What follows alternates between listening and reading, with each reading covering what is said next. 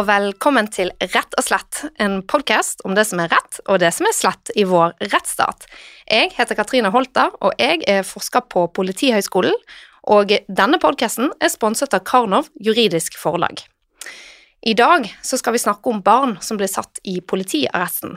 For eh, like før jul så kom Sivilombudet med en rapport som konkluderer med at for mange mindreårige blir frihetsberøvet på uegnede celler på politihuset. Jeg har fått med meg forsvarsadvokat Marit Lommedal Sæther. Hun er partner i advokatfirmaet Sulland og en tidligere kollega av meg. Og hun jobber tett med denne problematikken knyttet til barn i arrest, både i jobben som advokat, men òg i sitt verv i styret i forsvarergruppen. Velkommen til Rett og slett, Marit. Tusen takk. Hvorfor er det problematisk at barn sitter i arresten? Så hvis man skal si det helt kort, så tenker jeg at det er fordi at det er et inngrep hvor staten utsetter sårbare barn for helserisiko. Det er eh, Man plasseres på ei glattcelle når man plasseres i arresten. Um, Eh, potensielt. Det, alle voksne gjør det, men, eh, men også mange barn plasseres på glattcelle i arresten. Og det er et opphold som verken er tilpassa mennesker generelt, og i alle fall ikke barn spesielt. Det er Kanskje primært fordi eh, at man da mangler menneskelig kontakt, og det er vi helt avhengig av som mennesker. I tillegg så er det en fryktelig stressende situasjon som gjør at belastninga blir enorm på den enkelte som sitter der. Eh, og det er dokumentert helsefarlig, eller i alle fall potensielt helsefarlig, etter relativt kort tid. Og det er klart at når staten iverksetter den type inngrep mot barn, så er det svært problematisk, etter mitt syn. Barn er jo i tillegg sårbar um, i den situasjonen når man sitter der, bl.a. av at eh, de er mer umodne enn voksne, og at man uh, f.eks. har en dårligere tidsforståelse, sånn at oppholdet i seg sjøl blir uh, mer belastende enn, enn for voksne. Men uh, det er også belastende i seg sjøl å sitte i et betongrom uten noe kontakt med folk og Eh, og veldig lite å, å, forholde seg til det. Mm. Og den helserisikoen som du snakker om, er det, det er knyttet til psykisk helse? Det er knytta til både psykisk, fysisk og kognitiv svekkelse. Eh, så det er ja, flere ulike element i det, som vi sikkert kommer litt nærmere inn på forskjellige forhold ved det. Eh, men det, det er også fysiske magesmerter, eksempel. Eh, søvnproblem, dårlig hukommelse, eh, som er på en måte veldig vanlige reaksjoner. på å være isolert? På å være isolert. Mm. Mm. Og så er det større psykiske risikofaktorer som, som, kanskje er de mest alvorlige, og som eh, derfor er grunnen til at man kanskje ser mest på det, men, men, også fysisk og kognitivt så er det problematisk. Men bare for at vi skal få et bilde av hva dette egentlig dreier seg om, altså hvordan ser en sånn isolasjonscelle ut i politiarresten? Ja, det er eh, I politiarresten i Oslo så er det et eh, rom fylt med Som består av betong. Det er betongvegger, betongseng. Det er et eh, vindu øverst, altså som man ikke kan se direkte ut på verden, men man kan se på himmelen. Eh, for barn så er det tilpassa helt nylig eh, med eh, en TV på fem celler Um, og så er det også tilpassa mer til barn um, ved at det er en annen farge enn den vanlige betongfargen, for å si det sånn. Um, ellers så, ja, så er det et toalett i, i, gulvet, og det er liksom Alt er fast, sånn at man ikke skal kunne røre på noe. Så får man en, en madrass og et teppe hvis forholdene tilsier det, eller hvis det ikke er noe som ikke tilsier det. En tynn, tynn madrass. Ja. Mm. Ok, um, jeg har også fått med meg selveste sivilombudet i dagens episode, Hanne Harlem. Hun er jurist og var òg justisminister i Jens Stoltenbergs første regjering, regjering for 22 år siden, uh, og ble altså sivilombud i 2020. Velkommen til deg òg. Tusen takk skal du ha. Mm. Vil du starte med å fortelle litt om hva sivilombudet er, og hvorfor vi har et sivilombud? Sivilombudet altså, ble opprettet av Stortinget i 62, og utgangspunktet var at man ville at, å ha et kontrollorgan for Stortinget, hvor, sto, hvor det organet kunne behandle klager fra enkeltpersoner over feil og urett. De mener hadde forvaltningen, myndighetene hadde begått overfor dem, Og så skulle Sivilombudet behandle de sakene og uttale seg om hvorvidt man mente at den borgeren som henvendte seg, hadde rett eller ikke rett. Og det er fortsatt en veldig viktig del av den virksomheten vi driver. Vi mottar klager om at eh, ja, det ene og det andre, at man ikke har fått flytte fengsel, at man har klaget til, til statsforvalteren om at det er noe at det er uforsvarlig helsebehandling, og det er blitt De mener at det er Altså klageren mener at det er feil. Eh, ja, man ikke har fått innsyn i dokumenter, hele spredden av det myndighetene på en måte bestemmer i forhold til eh, enkeltpersoner.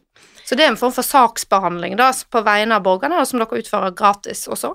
Det er helt riktig, det er gratis å klage, og vi, eh, vi behandler jo, altså vi går gjennom alle klager vi får. Men det er jo likevel et fåtall vi går videre med og undersøker konkret over forvaltningen, og det har jo med at vi, vi ser jo på dem og ser er det, er det høres, ser det ut som det er grunn til å klage her. Eh, delvis det, og delvis at vi si, dessverre har ikke kapasitet til å, å behandle grundig alle klager vi får, så da må vi gjøre en prioritering ut fra hvordan, ja, ut fra hva vi, hvor sannsynlig er det at det er begått en feil her? Hva dreier det seg om? Hvor stor betydning har dette for den klageren det vedkommende klager over? Mm. Og så har dere altså da gjennomført en eh, Altså skrevet en besøksrapport uh, knyttet til barn i arrest, uh, og vært inne og sett på praksisen der. Uh, men det er jo noe som gå utover enkeltsaksbehandling? Det er det. For vi har to ting til vi gjør. Det ene er at vi eh, kan sette i gang undersøkelser av såkalt eget tiltak. Altså vi selv sier at hm, dette her syns vi høres rart ut på dette området, la oss nå undersøke. En undersøkelse som vi holder på å avslutte nå, er knyttet eksempel til det å bli utestengt fra sosialkontor. Eh, at du ja, får en beslutning fra Nav-kontoret om at du får ikke lov å komme hit, du må, ja, du må gjøre dette skriftlig, for eksempel. Mm. Så det er en unnskyldsvar. Det var bare et eksempel. Men en viktig del, eh, og som er grunnen til denne barn i arrest-rapporten, det er at vi har en enhet som er eh, følger av at FN-konvensjonen om tortur, torturkonvensjonen, sier at alle land skal ha et organ som går på besøk og sjekker og ser på om det er risiko for at uh, mennesker som er frihetsberøvet, blir utsatt for umenneskelig nedver eller nedverdigende behandling eller tortur. Og det gjør denne ene enheten hos Sivilombudet. Så det har vært besøkt i fengsler, det har vært besøkt i barnevernsinstitusjoner, det er barne- og ungdomspsykiatriske institusjoner, i det siste har vi vært på sykehjem og i boliger for, psykisk, eh, for utviklingshemmede. Og barn i arrest var en av disse eh, og kommer, områdene. Og dette kommer inn under den tematikken fordi isolasjon i fengsler, og særlig for barn, kan aktualisere spørsmål om menneskelig nedverdigende behandling. Absolutt, og de er jo da sant, Når de er i arrest, så er de jo frihetsberøvet, det er jo ikke noe tvil om. Og det vi da ser på, er hva er rammene rundt det, hva er vilkårene for det, hvilken risiko vi, Vår oppgave er å peke på ting som kan, øh, som kan forebygge risiko da, for at de blir utsatt for umenneskelig behandling. Mm. Men hvorfor blir barn plassert i arresten, Marit? Det, altså grunnlaget etter loven må være at de er mistenkt for et straffbart forhold som øh, kan medføre eh, fengsel i, i mer enn seks måneder. Uh, og i tillegg så må det foreligge en fare enten for at de eh, unndrar seg straffeforfølgninga, altså rømme eller stikke av, uh, eventuelt at det er fare for at de forspiller bevis, men også uh, Eller i den saken de er mistenkt for, da, eller gjentagelsesfare for nye straffbare forhold. Um, og det er jo ganske mange ulike grunner til at, at barn plasseres uh, i arrest. De, um, det er en begrensning for barn sammenlignet med for voksne. Det er en, en langt høyere terskel, uh, og det skal være særlig påkrevd. Um, det er en, en, særbestemmelse for de under 18. Uh, og I tillegg så skal det være tvingende nødvendig å plassere de på celle, altså det å pågripe et barn. eh, trenger ikke å innebære en uh, plassering på celle, men det skal i tillegg da være tvingende nødvendig hvis de skal plasseres på celle. Og Hva mener vi med barn i denne forbindelse? Under 18. Fra 15 til 18. Ja, Og mm. hva skjer med de som er under 15, da? Der skal jo barnevernstjenesten følge opp hvis det er bekymring som tilsier det. Mm.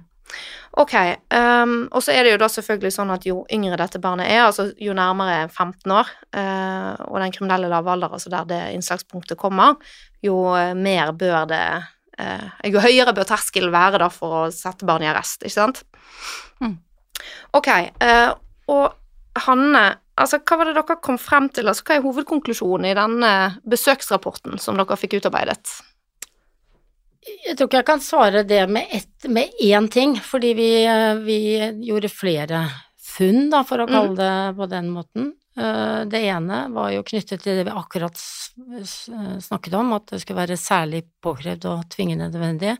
Vi fant ikke Vi oppfattet Altså For å begynne i en litt annen ende, når vi er på de besøkene, så er det jo ikke bare at vi går rundt og ser oss om, vi snakker jo med påtalemyndigheten, vi snakker med polititjenestemenn ute og inne, vi snakker eh, med barn, vi snakker med pårørende, vi snakker med arrestforvarerne, så vi liksom innhenter veldig mye, og med ledelsen.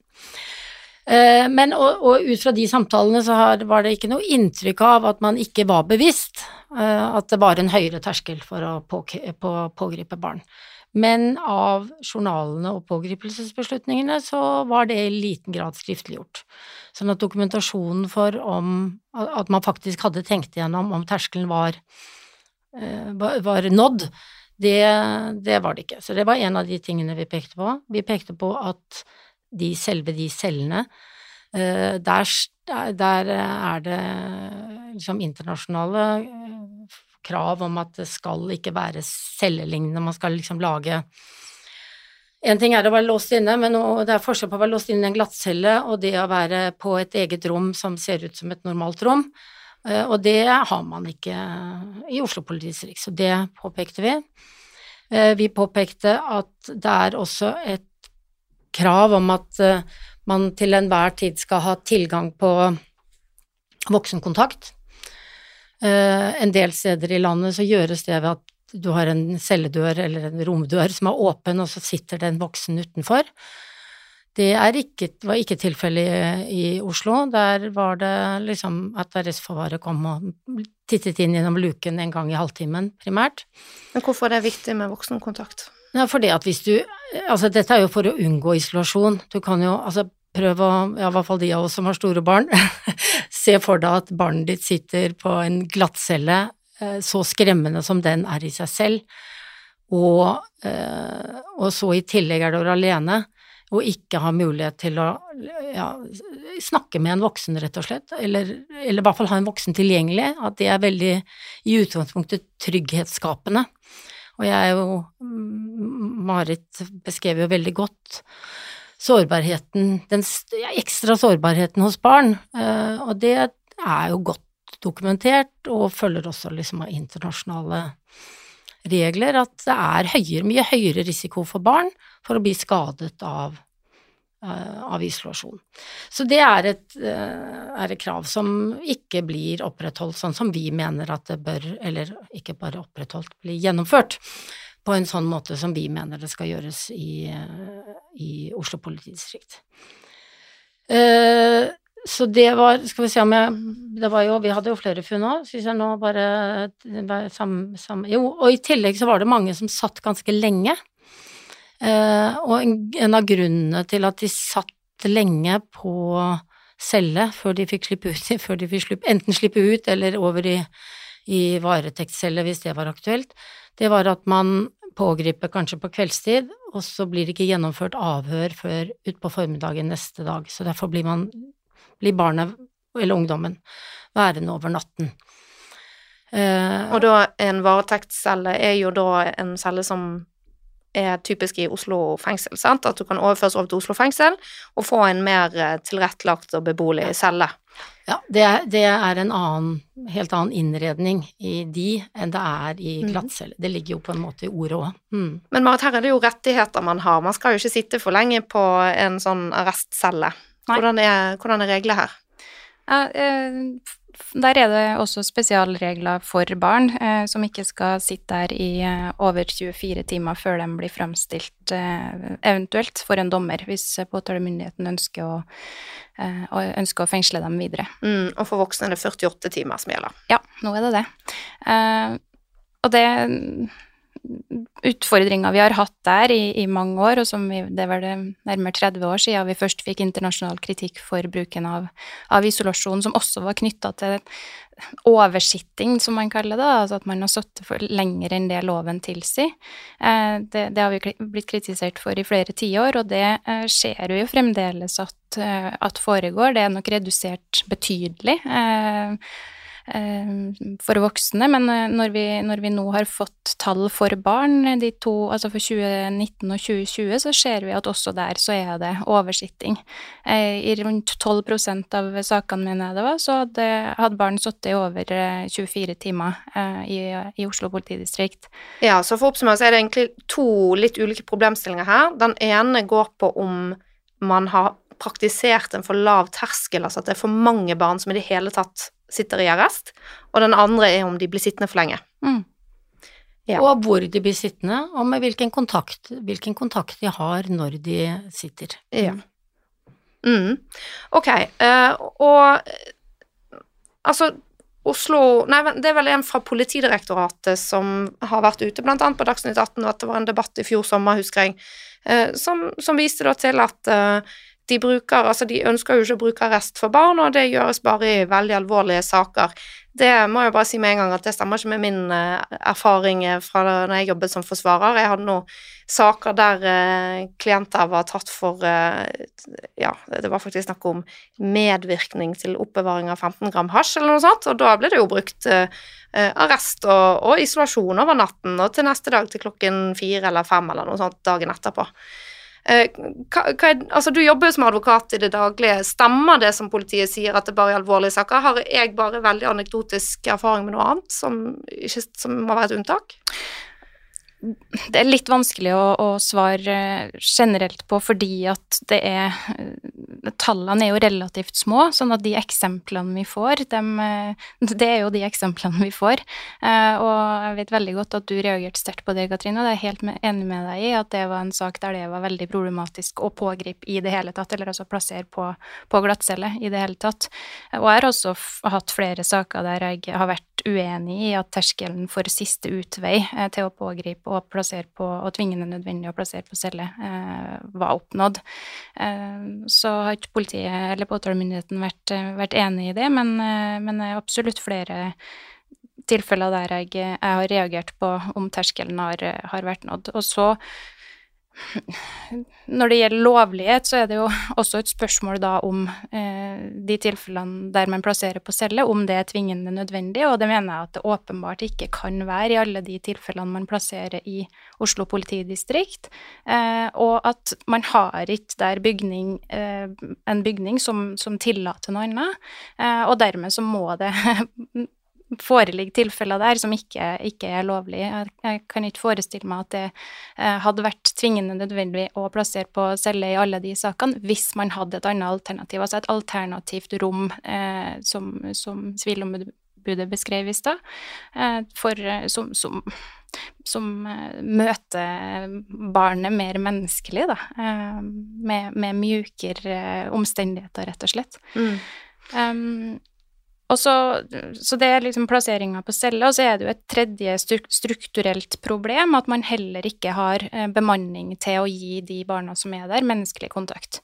Eh, Det har de krav på eh, etter intern norsk lovgivning, og det, det tilsier også internasjonale standarder, at man for å avdempe isolasjonsskadene, så skal man få kontakt med andre mennesker, rett og slett, altså ansatte. Anne, vil du utdype noe her? Altså, vet, vi, vet Sivilombudet noe om størrelsen på problemet? Dette var jo en av grunnene til at vi gikk i gang med denne undersøkelsen, fordi for noen år siden så var dette et aktivt tema i medie, mediedebatten og Justisdepartementet. eh, liksom fulgte opp eh, og liksom skulle følge med på hvor mange barn som var under arrest, eller ble satt i arrest, og så falt det eh, ganske kraftig, antallet barn som var satt i arrest, fram til 2017. Men så så vi plutselig at tallene i 18 og 19, ja, 18 og 19 økte kraftig. Eh, så opp i 18 så var det, ut fra de tallene, nesten 900 barn som var blitt satt i arrest i løpet av året. Og så gikk det litt ned i 2020, men det var jo koronaåret, sånn at det var jo Alt var jo mye stillere. Uh, og, så det var jo en av grunnene liksom, Hvorfor øker det igjen? Hva er det, hva er det som skjer? Uh, var en av grunnene til at vi var opptatt av å se på barnet i arrest, og hele liksom, den kjeden fra barnet blir pågrepet, inn i, tatt inn til arresten i Oslo, satt i arrest, uh, ja. Fant dere saker der arrest var brukt som dere regnet som lite alvorlig kriminalitet? Uh, nei, det gjorde vi ikke. Vi gikk gjennom arrestjournaler for fire måneder cirka, og det, det, ikke Det var ikke ingen som var av den type at vi fant grunn til å trekke fram det spesielt. Eh, det var eh, ja, flere tilfeller som var veldig alvorlige. Eh, så, det, så dermed så vårt, ble vårt fokus primært på at det var ikke du kunne ikke se hva slags vurderinger som var gjort, selv om vi i ettertid ved å se på liksom saken kunne se at ok, det var, det var alvorlig. Eh, og måten eh, barnet ble, eller ungdommen ble fulgt opp eh, når, de var, når de var der, og hvor lenge de satt. Og én ting er jo da oversitting, som du snakket om i stad, Marit, hvor du bryter 24-timersgrensen. Eh, men noe annet er jo liksom snittet de fleste sitter, og blant de vi så på, så var snittet 14 timer. Eh, og det, da har du jo noen som har kommet fort ut, sånn at det er jo noen som beveger seg opp sånn, eh, høyt opp mot de 24 timene. Og uansett så er det et poeng å liksom prøve å finne måter å få barnet raskt ut på. Og det å overnatte i arresten er selvfølgelig ja, verre enn å ikke overnatte i arresten. Så det er jo en av de tingene som mm, eh, Jeg vet ikke om du hadde Du har kanskje tenkt å komme til liksom Ja, har det skjedd noe?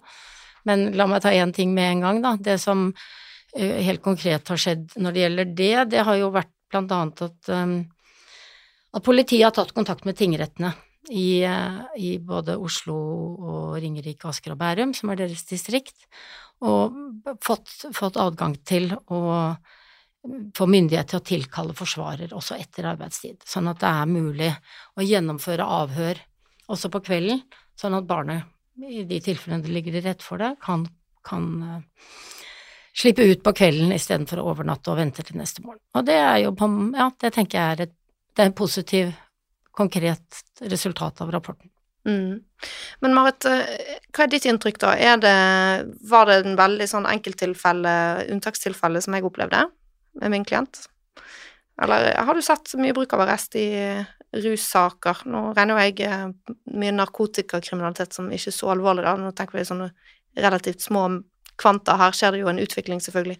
Ja, det, statistikken viser jo ikke det, ikke sant. Man ser ikke alvorligheten ut fra ja, egentlig ikke ut fra en lovhjemmel, og, og heller ikke ut fra eh, det som settes opp fra Politidirektoratet. De har jo satt opp en oversikt der eh, våpen Da antar jeg at det er bæring av eh, våpen, og trusler, eh, drapsforsøk, vold, narkotika, ran og sedelighet er satt opp som eh, hovedkategorier, eh, mens man også da har hatt 17 Eh, stykker i, i, 2020 på kategorien annet, som da trolig knytter seg til eh, innbringelser etter politiloven, altså for å opprettholde ro, orden og sikkerhet, og, eh, og for berusa personer. Og det er klart at det, det er kanskje for berusa personer eller folk som, som skal på fyllearrest, at arresten er det eneste som kan, kan nærme seg tilpassa til. Altså en mhm. plass til lett å rengjøre og, og, ikke noe særlig å, å ødelegge eller egentlig ingenting å forholde seg til, man skal bare hvile ut rusen. Um, men, men, for barn så tenker jeg jo i utgangspunktet at, de, at det, veldig trist da, å lese at vi ikke har et annet system Mm. for å ivareta de som overtrer politiloven, der eh, det er ikke et straffbart, det er ikke noe mistanke om noe straffbart eh, forhold. eh, Det er en, Hva tenker du på da? Altså at de Hvordan overtrer de politiloven?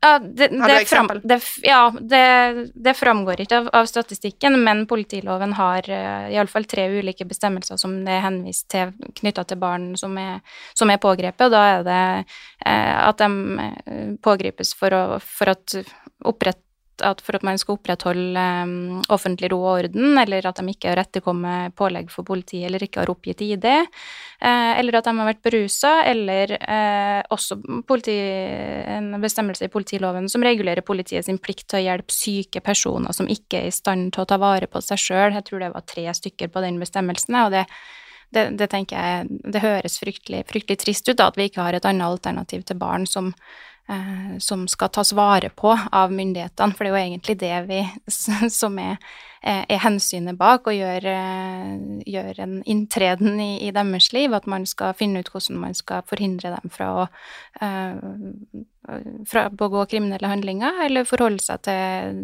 til samfunnet på den måten som de har gjort, og man, man må hjelpe dem videre eh, med et eller annet, og det å putte folk på glattcelle da, og, og særlig barn, det, det, det syns jeg er trist at vi ikke har en annen løsning for, og jeg, jeg tenker at det eh, i utgangspunktet ikke høres noe, noe, noe alvorlig ut, og så er det selvfølgelig forskjellige tilfeller innenfor eh, det her, og det, jeg forstår også at det er vanskelig å håndtere eh, utagerende barn på gata, eksempel, som som er rusa, men jeg syns allikevel eh, at det er trist at vi ender opp med, med glattcellebruk for dem, for jeg tror det er det siste de trenger. Ja, for hva kunne vært alternativene her, da, til, til politiarresten? Har vi noen alternativer, og kan vi tenke oss noen? Altså, for meg er det helt opplagt at det at du bringer, altså bringer inn eller pågriper noen som Ja, hvor det, de er liksom veldig utagerende, har våpen osv., og, så videre, og du, ikke sant, det er lett for oss å forstå at man da pågriper, for å si det sånn. Men om man da blir plassert i et mer alminnelig utseende rom, og har en, eh, for den saks skyld, en åpen, eh, åpen dør med et voksent menneske, at det er et hav av forskjell fra det å bli plassert i den glattcellen med med låst dør, og hvor du kommuniserer Hvis du vil ha kontakt utenom de der lukebesøkene, så må du kommunisere over et sprakende callinganlegg som det er vanskelig å høre både inn og ut, for å, for å si det sånn. Og de, altså de glattcellene, de er det bilder av i rapporten for øvrig, hvis man laster ned den. Det, det er jo Nei, det er, det er ikke stilig. Og hvis du, ser, ja, hvis du ser for deg noen ungdommer du kjenner plassert der, så, så er det lett å sette seg inn i at de er en ganske hva heter det, ja, traumatiserende, men i hvert fall kanskje det, men i hvert fall et, et, en opplevelse som gjør eh, dypt inntrykk, og som du sitter med. Ja, for Arbeiderpartiet har vel vært ute og ment at man kan eventuelt bruke ungdomsenheten i fengselet. Er det en realistisk løsning, Marit? Det er vel ikke det på kapasitet, så vidt jeg forstår, men, eh, men jeg er tenker at det hadde vært en bedre løsning. Mm.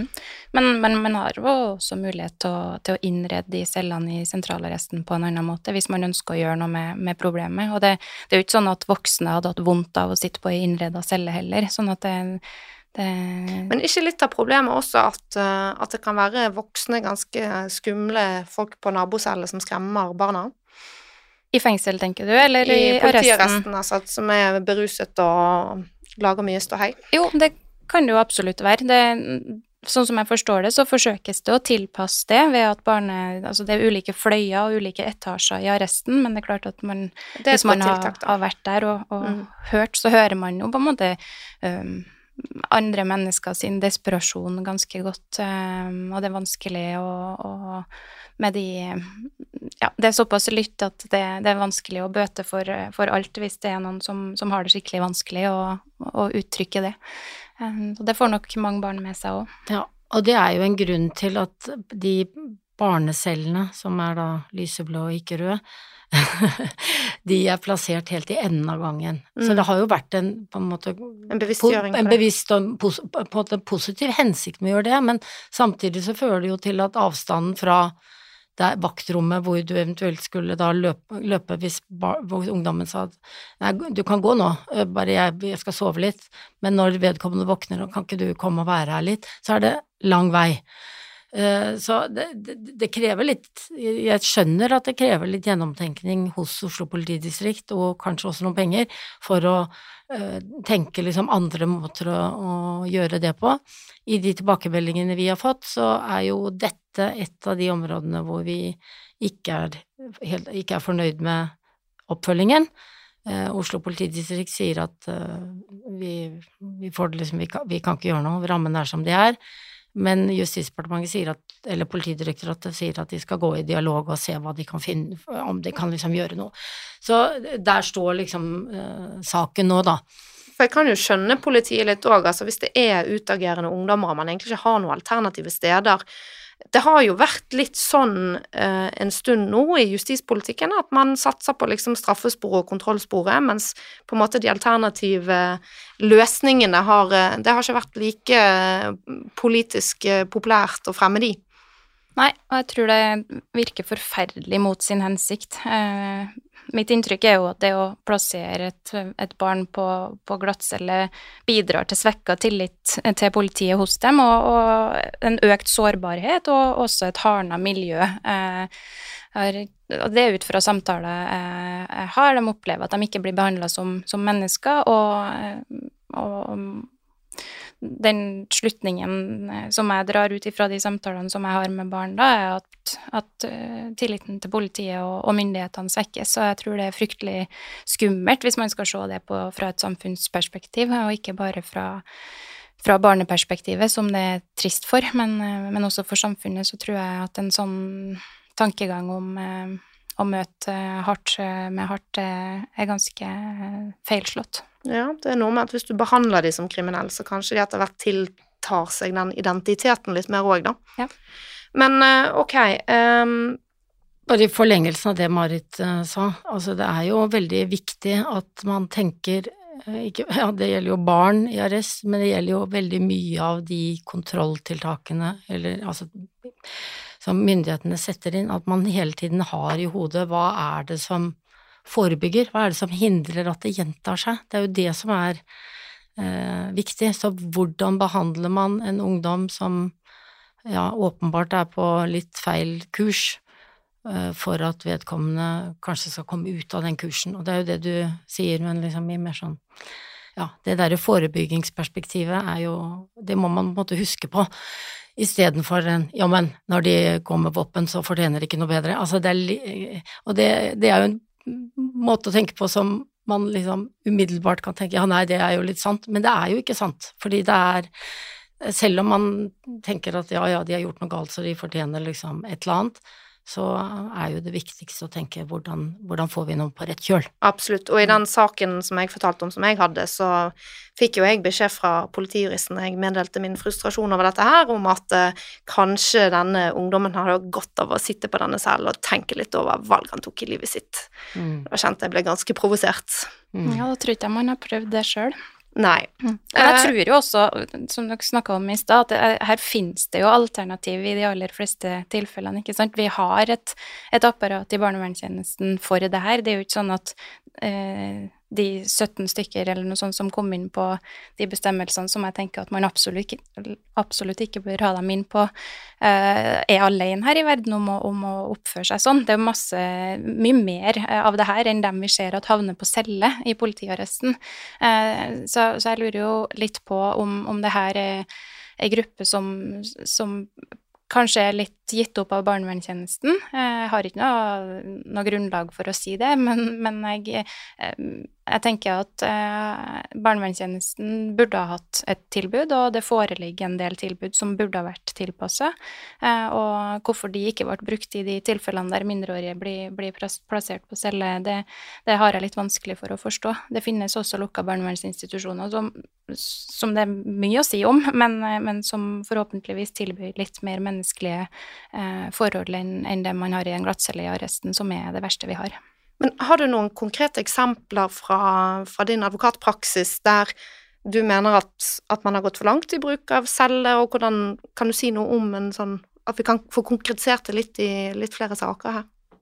Ja, men altså, i alle, alle gangene jeg møter barn på glattcelle, så, så mener jeg at det ikke har vært nødvendig. Det har vært ungdommer som, som ikke har utagert, og, og, de fleste tilfellene de settes på celle, er jo fordi at de er mistenkt i en straffesak. Eh, og da kan de oppføre seg helt adekvat overfor omverdenen. Man bare trenger eh, fra politiet og påtalemyndigheten sitt ståsted å forhindre dem fra å snakke med andre, forhindre dem fra å dra til et sted, påvirke noen, eh, og at det skal gjennomføres i et betongrom. Da, som ja, eller gjentagelsesfare. Men du har ikke noe gjentagelsesfare i, i, den institusjonen de, de oppholder seg i. De fleste oppfører seg helt, helt, adekvat, og det har også politiet uttrykt, at i de tilfellene de har plassert på glattcelle i, i 2020, så har de aller fleste ungdommene oppført seg helt adekvat. Det er ikke noe utageringsårsak til at de, de fleste sitter på celle, det er at man ikke har noe annet alternativ. Og, så i de tilfellene som jeg har eh, vært forsvarer for barn i og møtt dem på glattcelle, så mener jeg helt oppriktig at det ikke har vært noe grunnlag for det, og at eh, det er en ulovlig plassering fordi eh, Men, men der systemet ikke tillater noe annet. Jeg forstår at det gjøres i, i, praksis fordi at de ansatte som er på jobb, ikke har noe annet alternativ, men det er nødt til å bygges andre alternativ til glattcelle. Mm. Og det er jo et statlig og politisk ansvar. Ja. Mm. Det er det. Ok, um, greit. Men du er jo med i forsvarergruppen eh, Marit. Ja. Og, og, hvordan jobber forsvarergruppen med denne tematikken?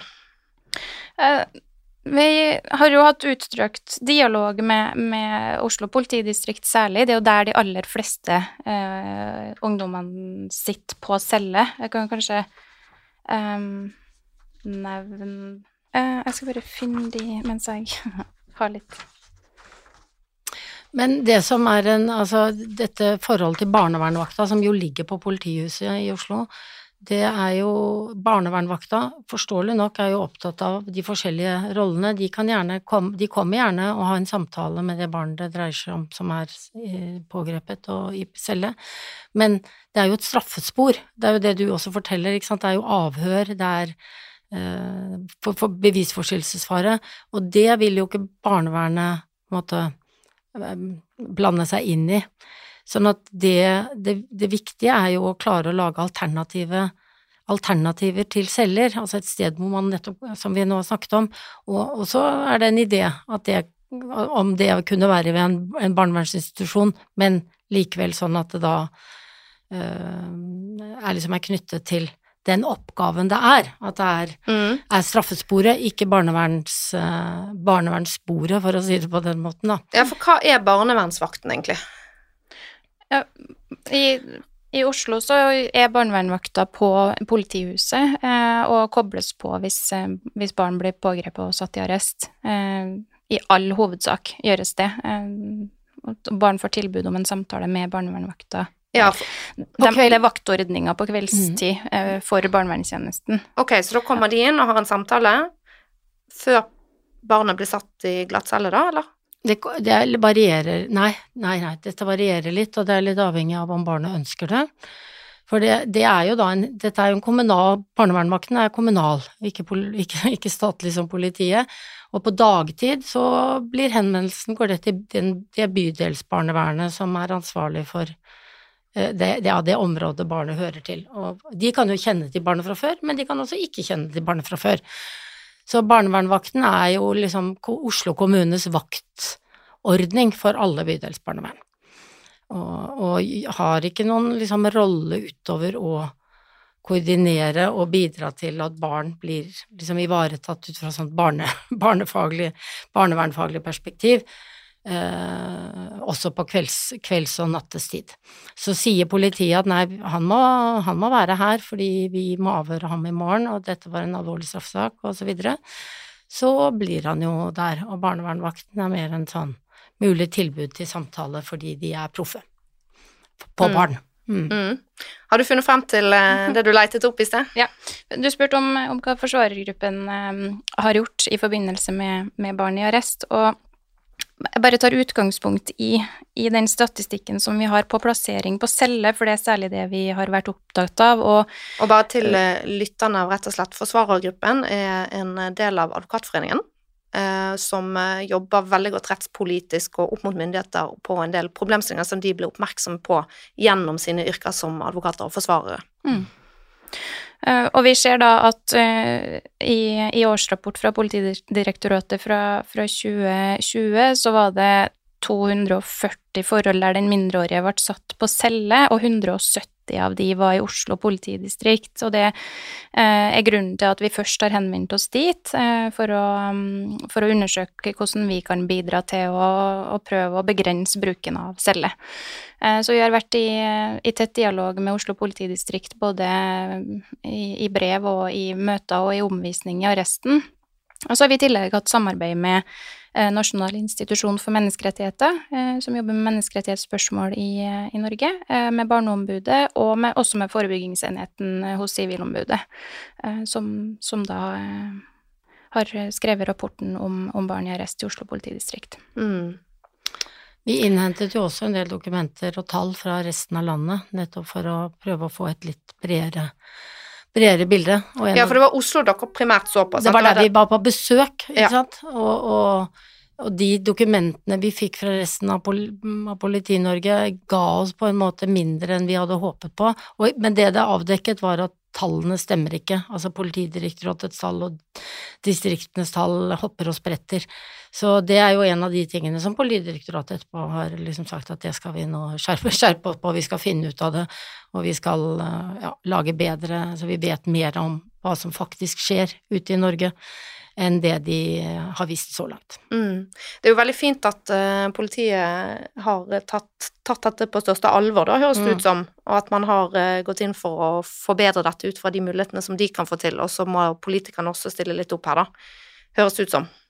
Ja, altså jeg eh, er jo Det er jo ikke alltid Det er ikke alltid alt vi gjør liksom for umiddelbart eh, resultater. Ikke sant? Alt arbeid med isolasjon i fengsel, for eksempel, det det går sakte, eh, men om, om, selv om det går fremover. Men her er det i hvert fall altså Riksadvokaten eh, har blant annet, med utgangspunkt i vår rapport, sendt ut uh, instruks til alle politidistrikt om at de er nødt til i pågripelsesbeslutninger å knytte begrunnelsen til at det er Altså at er, de må begrunne at det er særlig påkrevd å pågripe barn, og at de må følge med på tvingende nødvendig. Sånn at de Der har Riksadvokaten med en gang tatt tak i det. Det syns jeg er bra.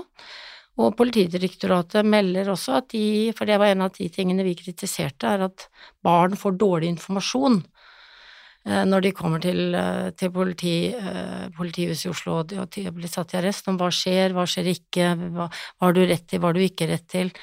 Litt foreldede brosjyrer på et vanskelig språk. Ja.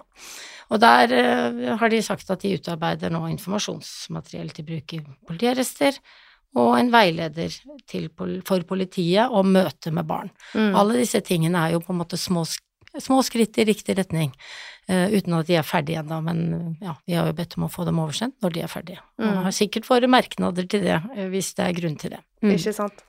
Uh, og til lytterne, dette burde jeg kanskje vært enda tydeligere på tidligere, men altså det er forskjell på temaet barn i arrest og barn i fengsel. Mm. Eh, for hvis du er i fengsel, så skal du jo primært være der for å sone en idømt straff, selv om det også brukes fengsel til varetektsfengsling, da, eh, som er mens du venter på at saken skal komme opp.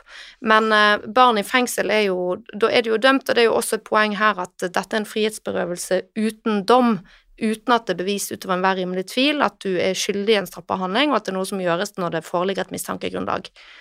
Um, men som Marit, altså hvordan, hvordan er denne tematikken? Altså, hva skal vi tenke om barn i fengsel, og bare for å ta litt den siden av det òg? For vi var jo litt inne på at det finnes jo sånne ungdomsenheter i fengselet, men de er jo uh, smekkfulle, i hvert fall det som jeg har hørt. Ja, de har eh, De er dessverre det. Eh, det er viktig med ungdomsenheter i utgangspunktet for å ivareta våre internasjonale forpliktelser om at barn ikke skal sone sammen med voksne. Det har vi òg fått lenge internasjonal kritikk for, og Norge har for så vidt tatt forbehold eh, om eh, den bestemmelsen. Um, Hva betyr det? At man, man eh, har sagt at det er så vanskelig å, å, få til det det med at barn skal sone atskilt fra voksne i Norge, fordi at det er så få barn i fengsel, og vi har så langt et land. det var veldig enkelt sagt. Men derfor så har man vært åpen på at det, det kan være vanskelig å få til her, og at man derfor ikke har en absolutt bestemmelse om at barn ikke skal sone sammen med voksne. Det er jo enda mer komplisert enn som så. Ja. ok, ok, da kan vi la den ligge. Ja. ja. ja. Um, men, eh, men, det sitter eh, dessverre barn og sone sammen med, med, voksne, og det sitter vel eh, også barn i varetekt sammen med voksne. Nå skal ikke jeg si at det skjer til enhver tid, men, men det er i alle fall tilfeller der vi står For arresten er det første døgnet, og så må du eventuelt da bli varetektsfengslet, og da må du et, en, et rettsmøte til, en domstolsbehandling, mm. uh, for om du skal varetektsfengsles videre. Uh, og det òg prøver man jo da å holde nede, og kan, for der kan du jo i varetekt kan man jo bli sittende en stund. Mm. Uh, og for barn kortere enn for voksne, og voksne kan jo sitte i månedsvis. Barn skal vel helst ikke sitte Nei, barn har krav på eh, at eh, både internasjonalt og etter nasjonal rett at prosessene, prosessen, altså straffeforfølgninga, foregår hurtig, altså hurtig som mulig. Både hos påtalemyndigheten og politiet, at tiltale tas ut så raskt som mulig dersom det er aktuelt, men også at saken kommer så raskt som mulig opp for retten. Så det, det er strengere frister for barn, men heller ikke der er det noe absolutte ja. frister. Ok, men hva tenker dere nå? Altså, uh, du har jo fortalt litt om, uh, Hanne, om uh, hvordan politiet har agert, og påtalemyndigheten har agert etter denne rapporten. Um, har det skjedd noen endringer i praksis? Altså, dere har vel ikke målt noe ennå? Dere har ikke noe tall, sant? Nei, det har vi ikke. Så da er det kanskje lett ikke, Ja? Nei, nei, vi har ikke noe tall, så vi kan bare liksom følge med på de tiltakene de enten har gjort, eller som Riksadvokaten, eller da Eh, tilkalle forsvarer på kveldstid, som jo er jo en måte å ja, fjerne bevisforspillelsesfare fordi avhøret er gjennomført. Eh, men måte, virkeligheten ute på gulvet, for å si det ute i virkeligheten, det har vi ikke noe mål på. Og jeg må innrømme at jeg kjenner ikke heller til tallene for antall barn i arrest for 2021. Jeg har ikke funnet noe, jeg heller, men det kommer nok en årsrapport igjen relativt snart, tenker jeg, rett før sommeren. Det kan ikke være så lenge til. Men du som er på gulvet, da, mm. Marit. Hva er ditt inntrykk? Hvordan opplever du Har det skjedd endringer etter den rapporten kom? Eh, om, det, om, det, er før eller etter, vet ikke om jeg skal si, men, men eh, det, det, var vel installert i TV-ene i sentralarresten i Oslo rett før eh, det tilsynet som Sivilombudet hadde. Um, så det var jo fint at det kom på plass da. Eh, og ellers så syns jeg det er vanskelig ennå å se. Det er relativt nylige omreguleringer, eh, så jeg syns det er vanskelig å se i praksis ennå. Og det handler jo først og fremst om at man skal dokumentere at de vurderingene man gjør, er riktig.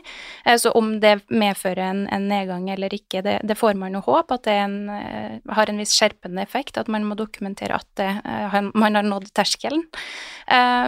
Men jeg kan si det jeg savner eh, av, eh, av, oppfølging, særlig fra, fra, departementet, men som jeg også eh, vil etterspørre fra, fra Riksadvokaten, eh, i og med at departementet ikke gjør noe, det er det som, som Hanne nevner om at eh, eh, man etter norsk rett eh, ikke har krav på forsvarer på ethvert trinn av saken eh, som barn, og det eh, bør man etter internasjonal eh, rett få.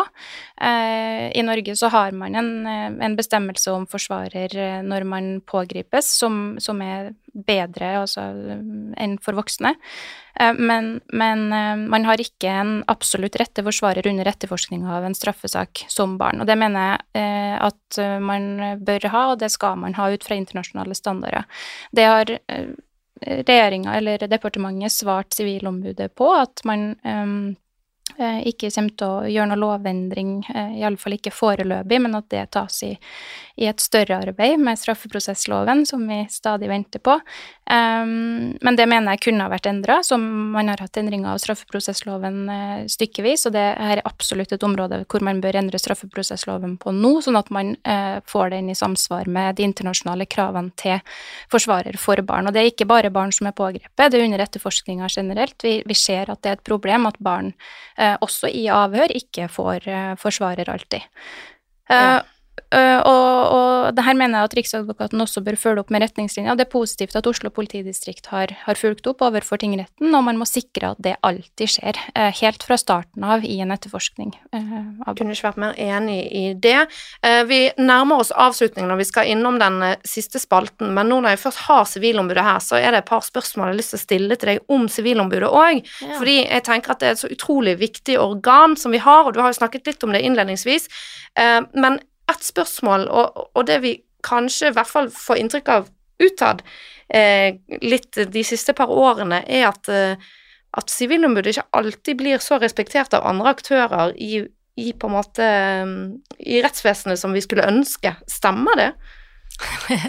Vi har ikke noe gode tall på det, så det blir jo veldig sånn inntrykksbasert. Jeg har vært opptatt av å få litt bedre tall på. Ja, men, Men her det er det et litt poeng, da, at deres Men- avgjørelser ikke er bindende, ikke sant? Så dere er helt avhengig av at de andre aktørene faktisk følger opp når dere kommer med kritikk. Mm, ja, og der vil jeg si at uh, mitt inntrykk uh, er at det stort sett så gjør de det.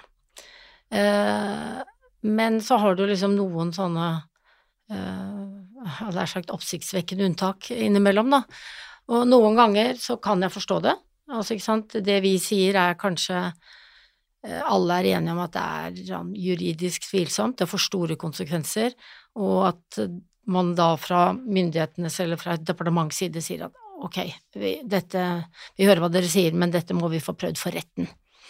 Det, det kan jeg forstå. Men eh, Stortinget har jo skjerpet inn. De sier jo veldig tydelig at man forutsetter at det følges, og også når man er uenig. Så en av de tingene jeg har begynt å gjøre, er at hvis i de få tilfellene hvor de sier at dette liker vi ikke, vi er uenige med dere, så sender jeg et nytt brev og sier at ja, det hører jeg, men hva er grunnen? Stortinget sier at selv om du er uenig, så skal du følge. Hva er grunnen til at dere likevel? Og da får jeg jo litt varierende, litt varierende svar, men det er på en måte en måte å markere dette på. Men, men jeg tenker jo at vi gjennomgående har mye gjennomslag, og at det er viktig eh, det vi gjør, og det er jo veldig mange det er jo veldig mange små og store saker hvor eh, det har betydning for den enkeltpersonen som er med på å liksom sette spor i forvaltningen, selv om ikke det fremgår på forsiden av verken VG eller eh, Aftenposten. Ja, og da kan også lytterne rett og slett merke seg at de kan alltid komme til Sivilombudet med sine saker, og det er vel ingen formkrav på klager som sendes inn til dere. Du trenger ikke hjelp av advokat, da vil du få topp juridisk bistand. Mm.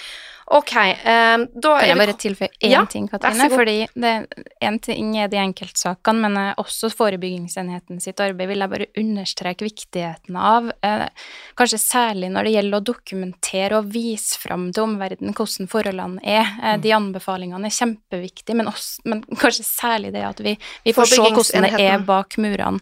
Da er det eh, forebyggingsenheten som Hanne var inne på tidligere i, i podkasten, om, um, om forebygging av tortur, umenneskelig og nedverdigende behandling for folk som er frihetsberøva i Norge. Og det at vi Og de har en enhet i Sivilombudet. Ja. Mm.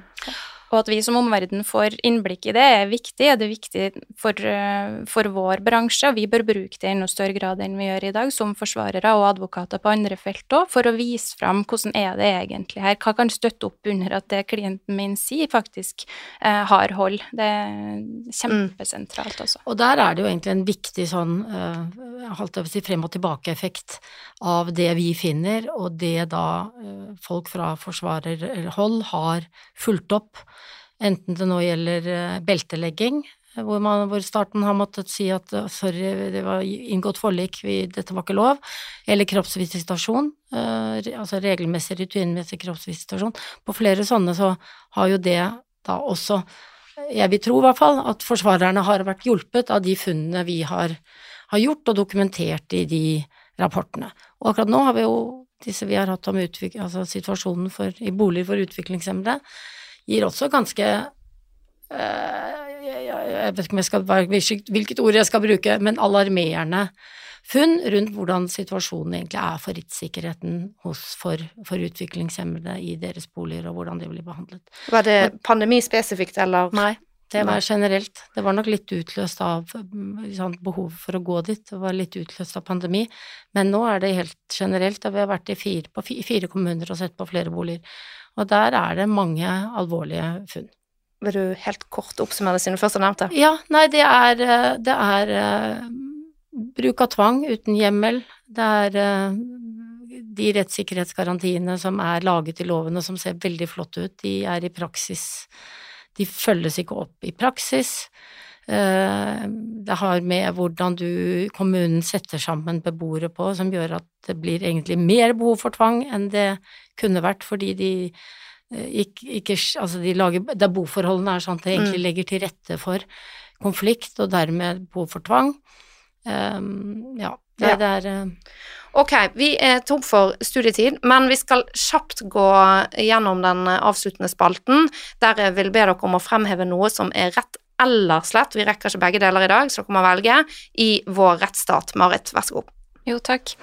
Nå har jeg skryta litt av Sivilombudet, så da vil jeg gjerne gå tilbake til å være litt uh, kritisk igjen, hvis det er greit. Um, syns jo at rettshjelpsordninga, som har vært uh, behandla her uh, delvis tidligere i podkasten, det er et stort behov for utvidelse av den. Den må dekke områder hvor myndighetene utøver dramatiske inngrep, og det gjør ikke den i tilstrekkelig grad i dag. Um, det gjelder både på strafferettens område, der jeg nevnte eksempelet med, med, at barn ikke har krav på forsvarer på ethvert trinn av en, en straffesak etter norsk lovgivning. Um, ja, for du kan alltid stille med advokat, men så er spørsmålet om du har krav på betalt advokat ja. i tillegg. Ja.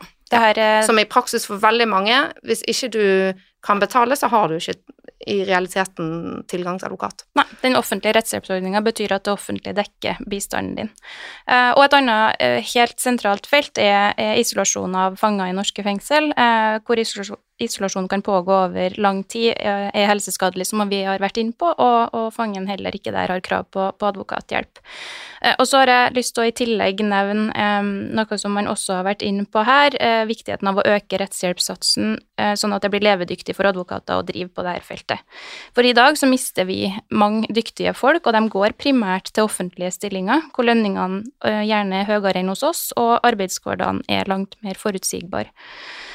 Um, ja. og, og, jeg vet at vi, det har vært inn tidligere, men det er også um, Det er veldig aktuelt nå, og jeg mener at vi må erkjenne at staten må erkjenne og anerkjenne uh, at det er krevende å som forsvarer, både med hensyn til det ansvaret man har uh, for andre mennesker sin rettssikkerhet, men også fordi at arbeidshverdagen er uforutsigbar, og man må nødvendigvis stille opp når pågripelsen skjer og avhøret skal tas. Men først og fremst så er det fantastisk givende, og det kommer litt bort i, i debatten. Det, det er veldig givende og spennende å få få jobbe med strafferett og andre rettshjelpssaker på vegne av mennesker som ellers står helt alene mot staten, og jeg håper at justisministeren kommer til enighet med Advokatforeninga om en bærekraftig rettshjelpssats. Veldig fint. Amen til det, og oppfordring til uh, våre fremtidige, altså jusstudentene, da, uh, og våre fremtidige jurister og sånn. Uh, se også til forsvarerbransjen, se til strafferettsfirmaene det er ikke sikkert at uh, du får eh, like spennende og like mye ansvar, like spennende oppgaver og like mye ansvar i de store eh, forretningsadvokatfirmaene som kanskje på papiret har høyere status. Eh, Hanne, vær så god. Jeg var jo inne på å ta, si noe om det Marit sa, men nå var det jo veldig greit å ikke gjøre det, for det sa du så glimrende. Men det, det andre alternativet i mitt hode, det var faktisk noe egentlig helt annet, og det vi har et velferdssamfunn og, som, som, ivaretar veldig mye. Vi har liksom en stor stat, stor kommunal, store kommuner, eller ikke store kommuner, det har vi jo slett ikke, men stor offentlig sektor som eh, ivaretar eh, borgerne på mange måter. Samtidig så ligger det også en fare i det, i den forstand at man er jo da avhengig av den offentlige sektoren, og forvaltningen er eh, er, ser, det ser jeg godt nå. De ser ofte på verden, som jeg pleier å si, innenfra og ut, og glemmer å se på den utenfra og inn. Altså de ser, det er lett å se det fra sitt perspektiv, vi har ikke tid, vi har ikke Nei, det er jo klart, sånn må det være, og det, det, reglene er sånn og sånn, og det må jo alle skjønne, og så glemmer man helt at uh, at det er ikke sånn det ser ut fra, fra borgerens side. Så hvis jeg kan konkretisere det enda mer, så er det altså flere av områdene eh, som vi har vært borte, som jeg som sivilombud har vært borte i det siste, som opprører meg veldig knyttet til særlig lang saksbehandlingstid. Altså, en som er eh, en av de sakene vi hadde, var, er jo knyttet til det å få gjeldsordning. Når du endelig liksom har strammet opp og tenker jeg skjønner jeg må, jeg må søke om gjeldsordning, så har det mange steder i landet vært sånn at i det øyeblikket du søker, så tar det et år før du får saksbehandler. Det er på en måte det er helt meningsløst. Det, det virker, altså. Og du har det på familieinnvandring. Du har rett til å få din kone eller din sønn til landet, og så er altså tiden for noen av disse årevis. Og det ligger stille i UDI i måneder mm. før det gjøres noe. Og det, det er på en måte et, et, litt annen type rettssikkerhetsproblem enn det man vanligvis snakker om når man snakker om rettsstat, men eh, det er viktig likevel. Mm. Tusen eh, takk eh, til Hanne og til Marit som har deltatt i dagens episode, og takk til alle som hører på oss. Som vanlig så minner jeg om å følge podkasten i din podkastspiller, og fortell også gjerne om podkasten til venner og kollegaer, så hjelper dere meg med å nå ut med rettsstatsbudskapet til flere nye lyttere. Ha det bra.